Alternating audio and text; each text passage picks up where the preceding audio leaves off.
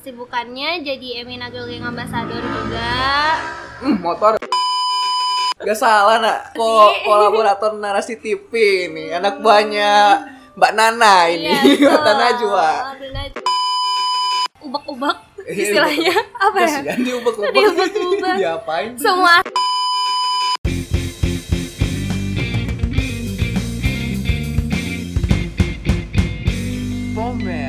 Podcast Medis kontrasepsi. Bangsat.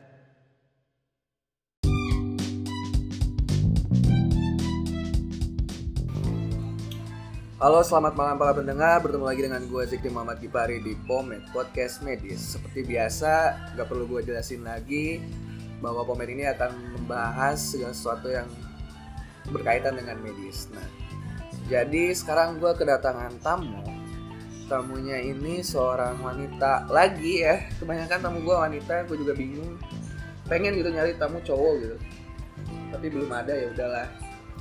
Nah setelah beberapa waktu kemarin gue ngomongin tentang fakultas kedokteran gigi terus gue ngajak juga dari fakultas psikologi sekarang gue ngajak dari fakultas keperawatan kalau keperawatan nih bisa dibilang itu pendampingnya dokter ya dalam mengobati pasien karena kerjasama dalam menyembuhkan pasiennya itu begitu erat gitu. Jadi di sini gue ada kedatangan Anastasia Rahel ya. Iya, halo. Say hi lagi. Halo. Yang panjang. Yang halo, halo, halo, halo. Nah, oke. Jadi Anastasia Rahel ini Mhm. siapa sih gitu? Oke, halo nama aku Anastasia. Aku biasa dipanggil Anas. Aku sekarang merupakan mahasiswi semester 5 di Fakultas Keperawatan Universitas Pajajaran. Di Unpad di Nangor ya. Iya, di Nangor. Jadi Hmm? kesibukannya sekarang ngapain? Kesibukan aku yang pasti sekarang kuliah. Terus? Terus mau ngejar buat lulus tiga setengah tahun juga. Ah, tiga setengah tahun. Iya dong. Oh sama ya? Iya. Oke, terus? Terus aku sekarang kesibukannya jadi Emina Girl Gang Ambassador juga. Hmm, motor bentar. Oke, lanjut. Terus jadi kolaboratornya buat narasi TV juga dan sekarang kesibukannya diundang jadi tamu. Oke. Tadi lu sebagai apa? Ambasador apa? Emina. Emina, Emina apa? Ah, Emina itu adalah make up yang berada di bawah naungan PT Paragon Teknologi dan Oh. Inovasi. Oh, sangat ini ya, sangat mengetahui tentang produk yang anda sebarluaskan. Tahu dong. Harus tuh profesional. Hmm. Terus kuliahnya dia keperawatan kan? Mhm. Apa sih yang lo pelajari di sana? Kayak gimana Yang keperawatan tuh? dipelajari itu banyak banget. Sebenarnya aku sempat kaget juga ya. Aku kira ternyata aku masuk keperawatan tuh karena aku suka biologi sama bahasa Inggris. Jadi aku Oke. kira belajarnya itu doang. Ah, ternyata, Ternyata di semester 1 aku ketemu sama fisika juga, ketemu Hah? kimia juga, Oke, terus? dan ada teknologi juga, Hmm? komputer-komputeran, terus ada ada. Apa tuh komputernya? Itu tuh nama matkulnya tuh Sistem Informasi Keperawatan. Jadi kita kayak bikin website, yang gitu-gitu lah mengembangkan website tentang Wah, keren ya. keperawatan. Terus teknologi-teknologi kesehatan juga. Wah, keren. Selain itu ternyata ada hukum juga. Ya, hukum juga. Kita komunikasi juga komunikasi gitu. juga sama. Oke, kalau misalnya tips and trick nih, kan pendengar podcast gua nggak semuanya kuliah ya. oke Mungkin aja ada anak SMA gitu yang lagi Yap. galau tentang jurusan. Mhm. Apa yang misalnya nih ada anak SMA, ah kayaknya gua cocoknya ke keperawatan deh. Lu kasih tips ke mereka supaya bisa masuk ke keperawatan apalagi negeri ya. Hmm. Hebat. kalau tips dari aku sih yang pasti belajar dan niat. Karena kalau nggak pakai niat kita nggak bakal bisa. Sumpah nih ya nggak bakal bisa. Kalau kamu saya udah niat nih pengen masuk ke perawatan tapi kamu juga masih ragu-ragu ya hasilnya juga bakal ragu-ragu entah kamu bakal lolos atau enggak gitu kalau menurutku Pokoknya kayak gitu Wah awal lu niat ya. Mau berawal dari Iya, niat. nawa itu dulu gitu Terus setelah gimana gimana? ya terus belajar nih yang pasti Ah, sama minta restu orang tua juga sih Oh. kalau misalnya orang tuanya nggak ngizinin coba deh kamu tanya lagi ke diri kamu sendiri apakah benar kamu menjadi perawat atau enggak karena saat kamu memilih untuk menjadi perawat berarti kamu harus mengabdikan seluruh hidup kamu menjadi perawat nah sampai nanti Oke, cukup ini ya, cukup wise ya dia. Oh. Cukup bijaksana juga jawabannya. iya. Nah, Jadi untuk keperawatan yang penting untuk anak-anak yang mau masuk jurusan itu adalah niatnya dulu ya diawalin Hmm. karena mungkin kita ini profesi yang nanti akan disumpah ya kan? Yap, betul. Berarti harus bertanggung jawab sepenuhnya dong. Hmm. Makanya diawalin niat dulu. Lu tentukan pilihan dulu baru lu masuk. Dan kalau udah masuk ya belajar gitu kan. Iya. Mengikuti. Oke.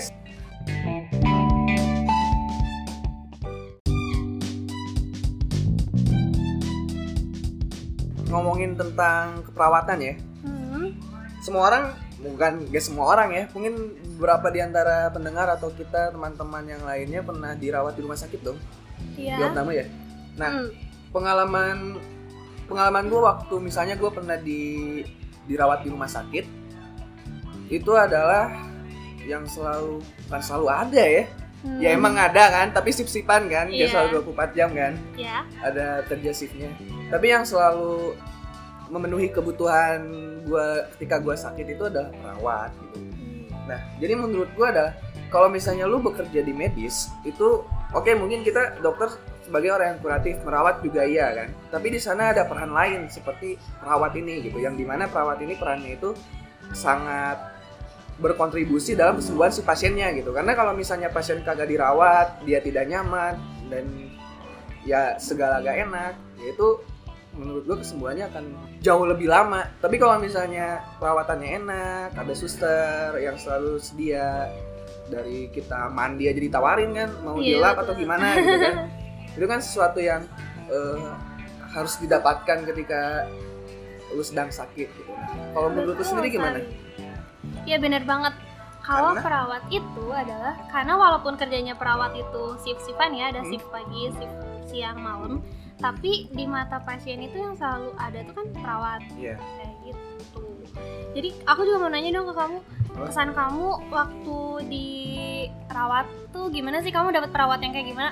Yang Perawatnya? baik kah Oh. atau yang galak kah gimana? Baik banget. Baik Tapi banget. ada juga sih yang Iya, galak. Kalau misalnya gue ya. gak makan tuh, jadi makanan kagak habis. Ini gue dirawat nih. Ah.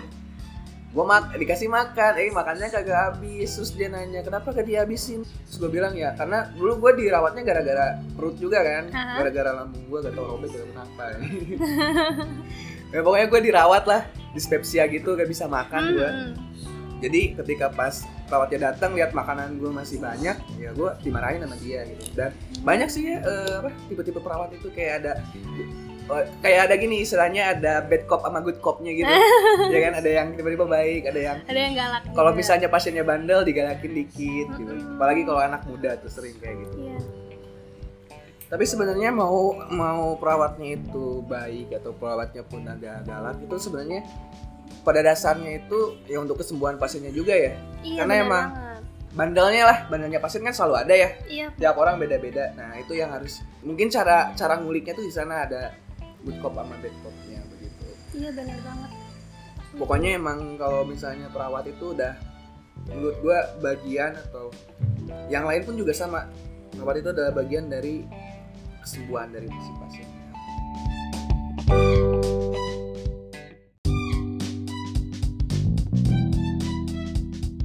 Oke masih dengan gua Ziki Muhammad Gifari di Pomet Sekarang kita akan masuk ke segmen 3 Jadi sekarang waktunya gua memberikan pertanyaan-pertanyaan yang hebat kepada Anastasia Hmm. sebagai mahasiswi keperawatan. Jadi sekarang tuh gue pengen nanya nih perawat Oke. sebagai profesi itu seperti apa gitu di kehidupan masyarakat. Silahkan. Perawat sebagai profesi. Hmm, tapi aku sebelumnya mau jelasin perawat dulu itu apa ya? Ya boleh. Nah dari sana aja. Ini pinter kayak gini nih. Ada yang kurang langsung ditambahin. Terus. Terus Ya. Jadi nih, soalnya orang-orang itu pada bingung kan antara perbedaan perawat dengan dokter. Hah? Karena itu sangat bersinggungan dibandingin perawat dengan apoteker atau dokter sama apoteker kan itu terlihat jelas ya. ya, ya. Nah, Kalau si perawat ini, perawat itu adalah profesi yang difokuskan pada perawatan individu, keluarga, dan komunitas dalam mencapai kesehatan yang optimal. Jadi perlu digarisbawahinya itu di sini tuh adalah bukan individu yang sakit aja, tetapi keluarga sama komunitas masyarakat juga. Dan lingkupnya itu orang sakit menjadi sehat, orang sehat menjadi kesehatannya optimal. Ya, yang sehat Nah. jadi tetap sehat. Betul. Oke, terus Nah, fokusnya itu yang membedakannya adalah caring dan curing tadi. hmm, Jadi si perawat ini tuh tugasnya adalah caring terhadap si pasiennya secara holistik. Oke. Holistik itu tuh menyeluruh. Jadi satu individu tuh bakal kita ubek-ubek istilahnya apa ya? Diubek-ubek. Diubek-ubek. Diapain? Semua aspek dalam si individu itu tuh harus kita kaji gitu kayak bio, Nah. biologisnya, psikologisnya, sosiologisnya, Oke, spiritualnya. Biopsikososial. Yaps. Mantap. Bahkan sampai kulturalnya. Oke, sampai budayanya ya. Ya, sampai budayanya juga. Harus dikorek gitu ya, diubek-ubek. Nah, nah apanya sih yang jadi fokus utamanya itu adalah kebutuhan dasar manusia. Iya. Nah, kebutuhan dasar manusia itu ada 14 menurut si Virginia Henderson kalau teman-teman pengen kepo gitu ya. Iya. Nah. banyak sih yang kepo. Hmm, Nah, nih, terus? ada nih, ada satu hal yang ngebedain bang, yang mirip tapi beda. Apa itu? Itu tuh adalah di diagnosis kayak kamu bikin diagnosis juga kan? Iya. Nah, aku juga bikin bikin diagnosis. diagnosis nih. Iya. Misalnya aku mau ngangkat diagnosa medisnya asma. Ah. Nah, kalau di keperawatan itu yang didiagnosisnya adalah bersihan jalan nafas tidak efektif. Iya. Jadi dari sisi tubuhnya bukan dari sisi penyakitnya itu. Iya. Sampai situ aku bakal ngejelasin perawatnya. Nah, untuk perawat sebagai profesi seperti yang tadi aku bilang, kalau Oke. profesi itu merupakan pekerjaan yang membutuhkan pelatihan dan penguasaan terhadap suatu pengetahuan khusus. Oke. Jadi, perawat sebagai profesi itu berarti harus memiliki yang pertama ilmu yang spesifik.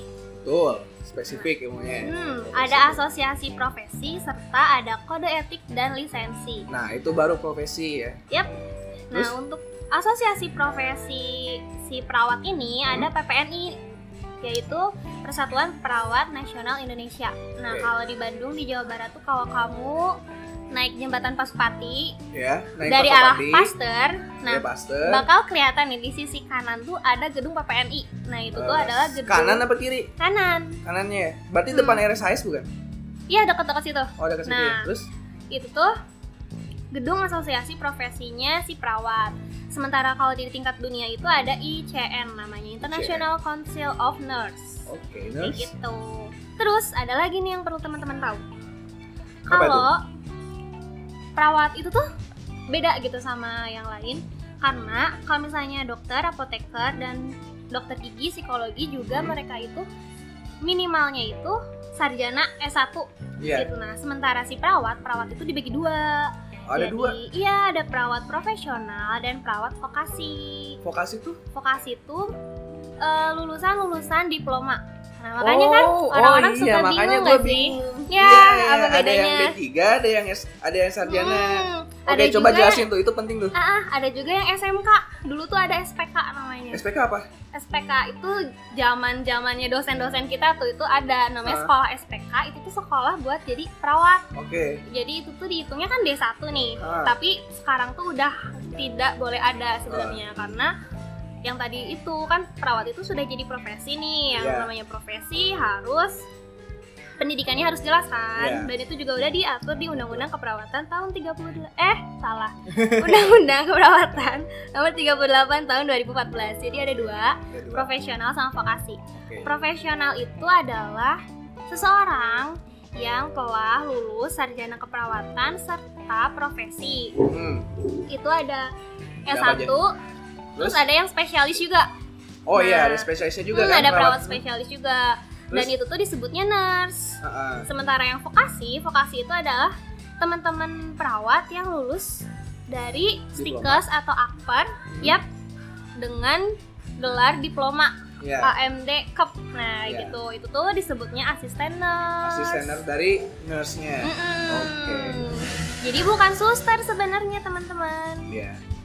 Nah, setelah itu tar mana list gua ya? Oh, ini dia. Dia yang bingung. Eh, tadi menarik banget ya infonya. Ini Hmm. juga gue baru banget nih dapat info kayak gini dan menurut gue bagus banget nih. Soalnya nggak gue pancing tapi dia jelasin. Oke lah, bagus nih kayak gini. Nah terus tadi peran atau perawat sebagai profesi ya. Hmm. Sekarang gue pengen nanya nih, kalau emang peran kita kan sama kan di dalam masyarakat itu kan, kayak menjaga kesehatan masyarakat. Nah tapi untuk spesifikasinya sendiri peran perawat di masyarakat itu seperti apa? wah ini tuh adalah pelajaran yang aku pelajari selama satu semester sebenarnya. Iya. Terus? Peran perawat itu banyak, tapi yang utamanya itu adalah sebagai caregiver atau pemberi asuhan keperawatan. Oke. Terus dia juga sebagai edukator, Hmm? itu fungsinya untuk meningkatkan pengetahuan kesehatan serta ada yang penting juga yaitu sebagai advokat. Nah, ini yang sering Hah? banget apa, kita Advokat? Peran perawat tuh advokat Wah, karena coba coba coba jelasin Nih. jelasin menarik nih sumpah. jadi Terus? ya jadi advokat itu kan membantu klien dan keluarga dalam pengambilan persetujuan. Nih, misalnya kita mau ngelakuin tindakan kolostomi, kolostomi ke penderita ya, misalnya kanker usus tuh. Jadi dia Ah. nggak bisa buang air melalui tempat Ya, yang itu. seharusnya. Ya. Jadi dia dilubangi tuh kan di Ya. perutnya. Terus? Terus kita udah ngasih info konsen, terus dia udah tanda tangan. Hmm? Eh, terus dia udah di kolostomi nih, terus dia ada kayak labil gitu di dalam hatinya. Iya. Misalnya si pasien ini adalah seorang muslim nih, Iya. otomatis dia bingung dong, dia bisa sholat apa enggak? Karena Nah. Karena si kotoran itu ada di kantung, walaupun si kantong kolostominya itu kan bukan bagian dari ah, tubuh bukan dia. bagian tubuh dia, tapi dia pasti bingung Hmm. dia tuh boleh beribadah apa enggak. Iya, iya. Nah itu fungsinya perawat sebagai advokat di situ adalah meyakinkan klien Klien. atau pasien. Jadi dia Iya. bisa menghubungkan pasien ke pembuka ag- agama atau hal atau seseorang yang lebih Hah? tahu di bidang itu. Iya. Itu sebagai advokat. Terus ada juga sebagai koordinator, kolaborator, Terus? terus ada peneliti juga dan konsultan. Iya. Yang advokasi ini menarik ya, soalnya Hmm. kalau misalnya misalnya ada tindakan nih, kayak Hmm. perawat tuh selalu yang ngasih surat persetujuannya itu ke pasien Iya, gitu kan. betul. Dan dia nanya, dia jelasin kayak gini kayak gini dan itu menurut gua salah satu peran dari yang tadi advokasi Hmm, tadi. Ya betul banget. Nah, terus tadi kan udah panjang lebar tuh dari profesi seperti apa dan perawat di masyarakat itu seperti apa. Terus Hmm, yang lu pelajarin deh yang beda dari yang lain. Mungkin kita sama-sama belajar tentang penyakit ya. ya betul. Kita sama-sama belajar tentang kesehatan, tapi yang spesifik untuk perawatnya seperti apa sih apa yang dipelajarinya itu gitu. Nih sebenarnya di perawat itu udah pasti ketemu biologi dan bahasa Inggris itu di semua matkul ada pasti Iya. kan. Nah, yang uniknya itu sebenarnya dalam waktu 4 tahun atau sebagai sarjana itu kita itu ada tujuh departemen yang harus kita lewatin Iya. yaitu ada keperawatan dasar, Oke. medikal bedah, Hmm? gerontik, Hmm? jiwa, komunitas, kritis, serta maternitas. Oke. Nah, itu kan dibagi-bagi menjadi 7 semester, 7 Hmm. sampai 8 semester. Hmm. Hmm. Nah, yang spesifiknya lagi atau yang khas dari si keperawatan ini adalah adanya pelajaran matkul komunikasi, tapi bukan komunikasi yang biasa. Disebutnya itu komunikasi terapeutik kalau di keperawatan. Oh, Oke, apa Dan itu gini? tuh itu tuh komunikasi Hah? yang menjadi apa ya? landasan kekuatannya si perawat itu sendiri. Oh, jadi kekuatan dari seorang Hmm. perawat itu adalah komunikasinya. Iya, dia gitu. harus mem- menguasai komunikasi terapeutik. Komunikasi terapeutik itu adalah kita berkomunikasi sama pasien, kita harus bisa menginformasikan Hmm? Informasi se- sejelas mungkin, tapi dengan cara yang sesingkat mungkin gitu, Iya. sejelas-jelasnya gitu. Hmm. Nah, di komunikasi terapeutik ini kita belajar mengenai teknik mendengar aktif, Oke. terus diam, terus ada memahami bahasa verbal dan nonverbal dari si Pasien. pasien. Uh, sampai Kayak non gitu. verbalnya aja dipahami ya. Iya. Hebat juga. Terus Jadi kayak misalnya pasiennya bilang, "Oh ya, saya udah ngerti." Tapi kita ngelihat kalau gerak-geriknya si pasien ini tuh dia belum ngerti apa yang kita Ah. sampaikan. dan itu harus peka lah istilahnya ya. Hmm, itulah fungsinya komunikasi terapeutik ada di situ. Kayak gitu. Terus ada teknologi hukum yang tadi aku udah sebutin juga sih, kayak Iya. bahasa budaya juga ada. Itu ada semua ya. Yup. Nah, terus tadi kan sempat disinggung tentang spesialisasi perawat ya. Hmm? Nah, kadang orang-orang belum tahu nih spesialis kemarin aja yang dokter gigi orang-orang pada gak tahu kalau misalnya spes- eh, dokter gigi itu ada spesialisnya gitu. Nah, perawat sendiri itu sebenarnya kan ada spesialis. Apa aja? Nah, spesialisnya perawat ini tuh sesuai dari tujuh departemen tadi. Jadi ada Oh, perawat komunitas, perawat maternitas, medikal bedah, jiwa, anak, serta kritis. Wah, itu ya. Gitu. Nanti ada ada gelarnya juga tuh. Ada, Ada. jadi tapi untuk mendapatkan gelarnya itu kita harus mengulang? Jejak kita waktu buat dapetin si S1 sama nursnya. Jadi kita harus Kuliah belajar lagi. ah, ah, kuliah secara untuk gelar akademik magisternya sama Hah? profesi lagi kalau kita mau dapetin gelar profesinya. Iya. Kayak gitu. Memang Misal memang panjang ya kalau mau jadi seorang spesialis. panjang sekali perjuangan. Sama dokter juga. Iya. Panjang sekali. Terus sekarang gini Hmm? tentang kolaborasi nih dalam atau kerjasama tim nih dari antara profesi-profesi yang bergerak di dunia medis nih. Jadi pandangannya seperti apa nih? Kayak di rumah sakit itu kan pasti perawat ada nih, dokter Hmm. ada, ya kan? Mm-mm. Fakultas eh fakultas dokter gigi ada, ya kan? Itu itu dalam satu rumah yang sama lah rumah sakit gitu. Mm-mm.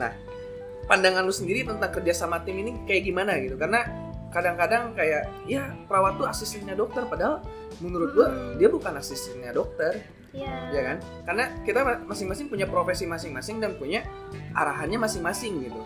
Bukan si ini asisten ini, si ini asisten ini gitu. Menurut gak kayak gitu. Nah, menurut lu sendiri kayak gimana?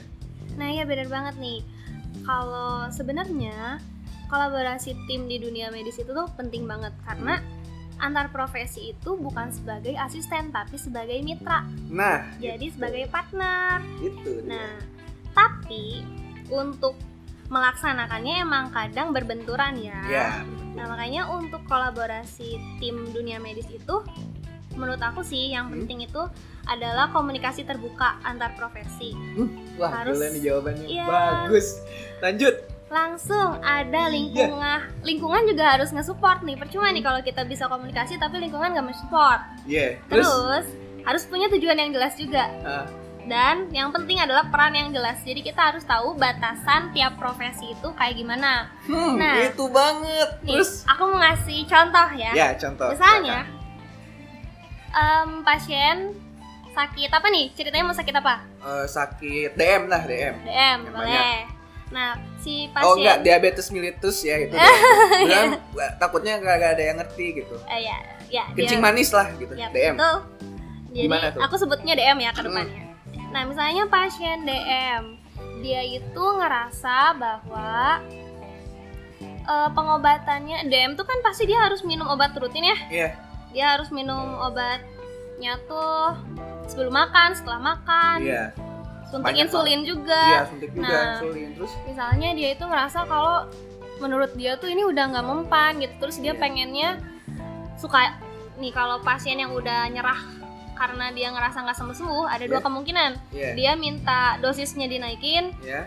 atau Ganti dia dokter. minta eh, iya atau enggak dia minta dipulangin malah Ya dipulangin ya. nah terus? dari kedua masalah ini tuh biasanya pasti karena perawat yang sering ketemu sama pasien pasien ngomong ke perawat nah misalnya su saya ngerasa sakit saya pengen obatnya dinaikin dosisnya nah dari perawatnya juga karena kita harus tahu batasan peran kita Iya. jadi kita nggak boleh Naikin sebaiknya dosis. naikin dosis Aha. ah, seenaknya gitu kita harus nggak hubungin juga dokternya Iya. nah dari sisi dokternya juga dia harus ngerti nih bahwa Pasiennya udah hmm, pasiennya udah dia udah nggak nge- ngerasa udah nggak mempan atau Iya. dia pengen pulang nah itu harus perlu dikomunikasikan Iya, jadi sebenarnya dokternya juga harus menerima saran dari perawat, Hmm. harus menerima informasi dari perawat juga supaya yang diutamakan di sini kan ke- kesembuhan pasiennya kan, Mm-mm. ya kan?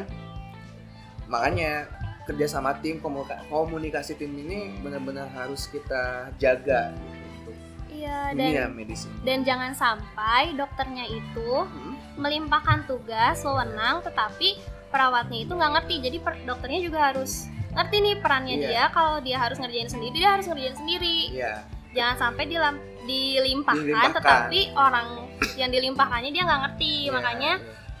Menurut aku untuk kolaborasi tim ini tuh penting banget dan harus pasien tercare jadi si pasiennya itu nuh itu tuh yang jadi fokus dari eh, pelayanan kesehatannya gitu. Waduh, bagus. oh ya menurut aku Sumpah.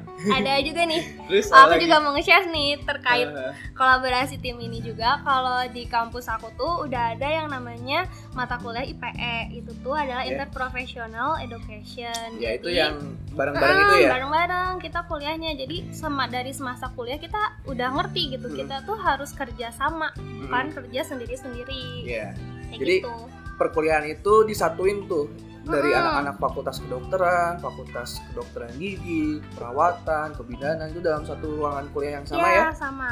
Dan Barengan. kita belajar bareng-bareng gitu kan. Betul. Nah di sana mungkin akan terbentuk yang namanya sebuah kesadaran, tanggung jawab, sama tahu akan perannya masing-masing di sana. Nah itu penting banget sih. Dan wah jujur banget nih lu bagus banget nih sekarang kamu sumpah nih. Gak salah nak. Lu jadi apa? Narasi apa? Nah, kolaborator narasi. Ko kolaborator narasi TV nih. Anak buahnya Mbak Nana ini, Iya, Mbak Najwa. Najwa. Bagus sekali. Seneng gua nih. Oke, kayaknya udah cukup lama ya, karena kita terbatas durasi juga. Iya. 30 detik pomet, eh 30 detik, 30 menit pomet ini. Oke. Jadi gak bisa panjang-panjang. Kalau panjang-panjang ngantuk soalnya orang-orang. Iya. Iya, apalagi ngomongin medis ya. Kalau ngomongin yang lain-lain tuh panjang-panjang didengerin, tapi kalau Ah. dengerin yang edukasi ya cukup 30 detik doang gitu. Menit. Iya, eh 30 menit doang, sorry, detik lagi. Udah disorientasi. Oke, thank you banget buat Anastasia Rahel. Iya, sama-sama. atas informasinya terus atas eh, ilmu-ilmu yang baru yang gua aja nggak tahu gitu dan lu kasih ke gua gitu tentang Betul. vokasi itu dan lain-lain lah Mm. jadi teman-teman karena oh ya gua mau nyampein juga nih pomet nanti ada di YouTube. Jadi kalau bisa Wow. kalian subscribe aja YouTube-nya ya kalau misalnya gue udah share linknya gitu. Jadi biar biar kalau gue ngundang tamu itu ada yang gue kasih gitu ke tamu. Soalnya kalau jujur aja nih kayak kita udah capek-capek kayak gini gitu kan. Tapi kita ya kayak gitulah masih masih gitulah pokoknya. Jadi ada yang ada yang kita sebarkan kepada eh, para narasumber ini Betul, jadi terima kasih banget Anastasia Terima kasih juga. ya telah me- bukan menemani ya telah menyempatkan waktunya di hari Sabtu ini kemarin kan sempat kita gagal ya Iya. minggu kemarin tadinya mau minggu kemarin tapi dianya batuk katanya takut bocor Iya. Suaranya nanti makanya. ada suara. Ada suara apa? mm. suara apa Suara ya itu Eh, masa aku. Iya. suara ingus katanya Iya, suara lendir dari hidung sekret. jadi dia gak mau minggu kemarin maunya minggu Iya. ini tapi gak apa-apa worth it banget buat Mm-mm. pomet sumpah bagus Oke. Terima kasih dan selamat malam sampai jumpa para pendengar komen.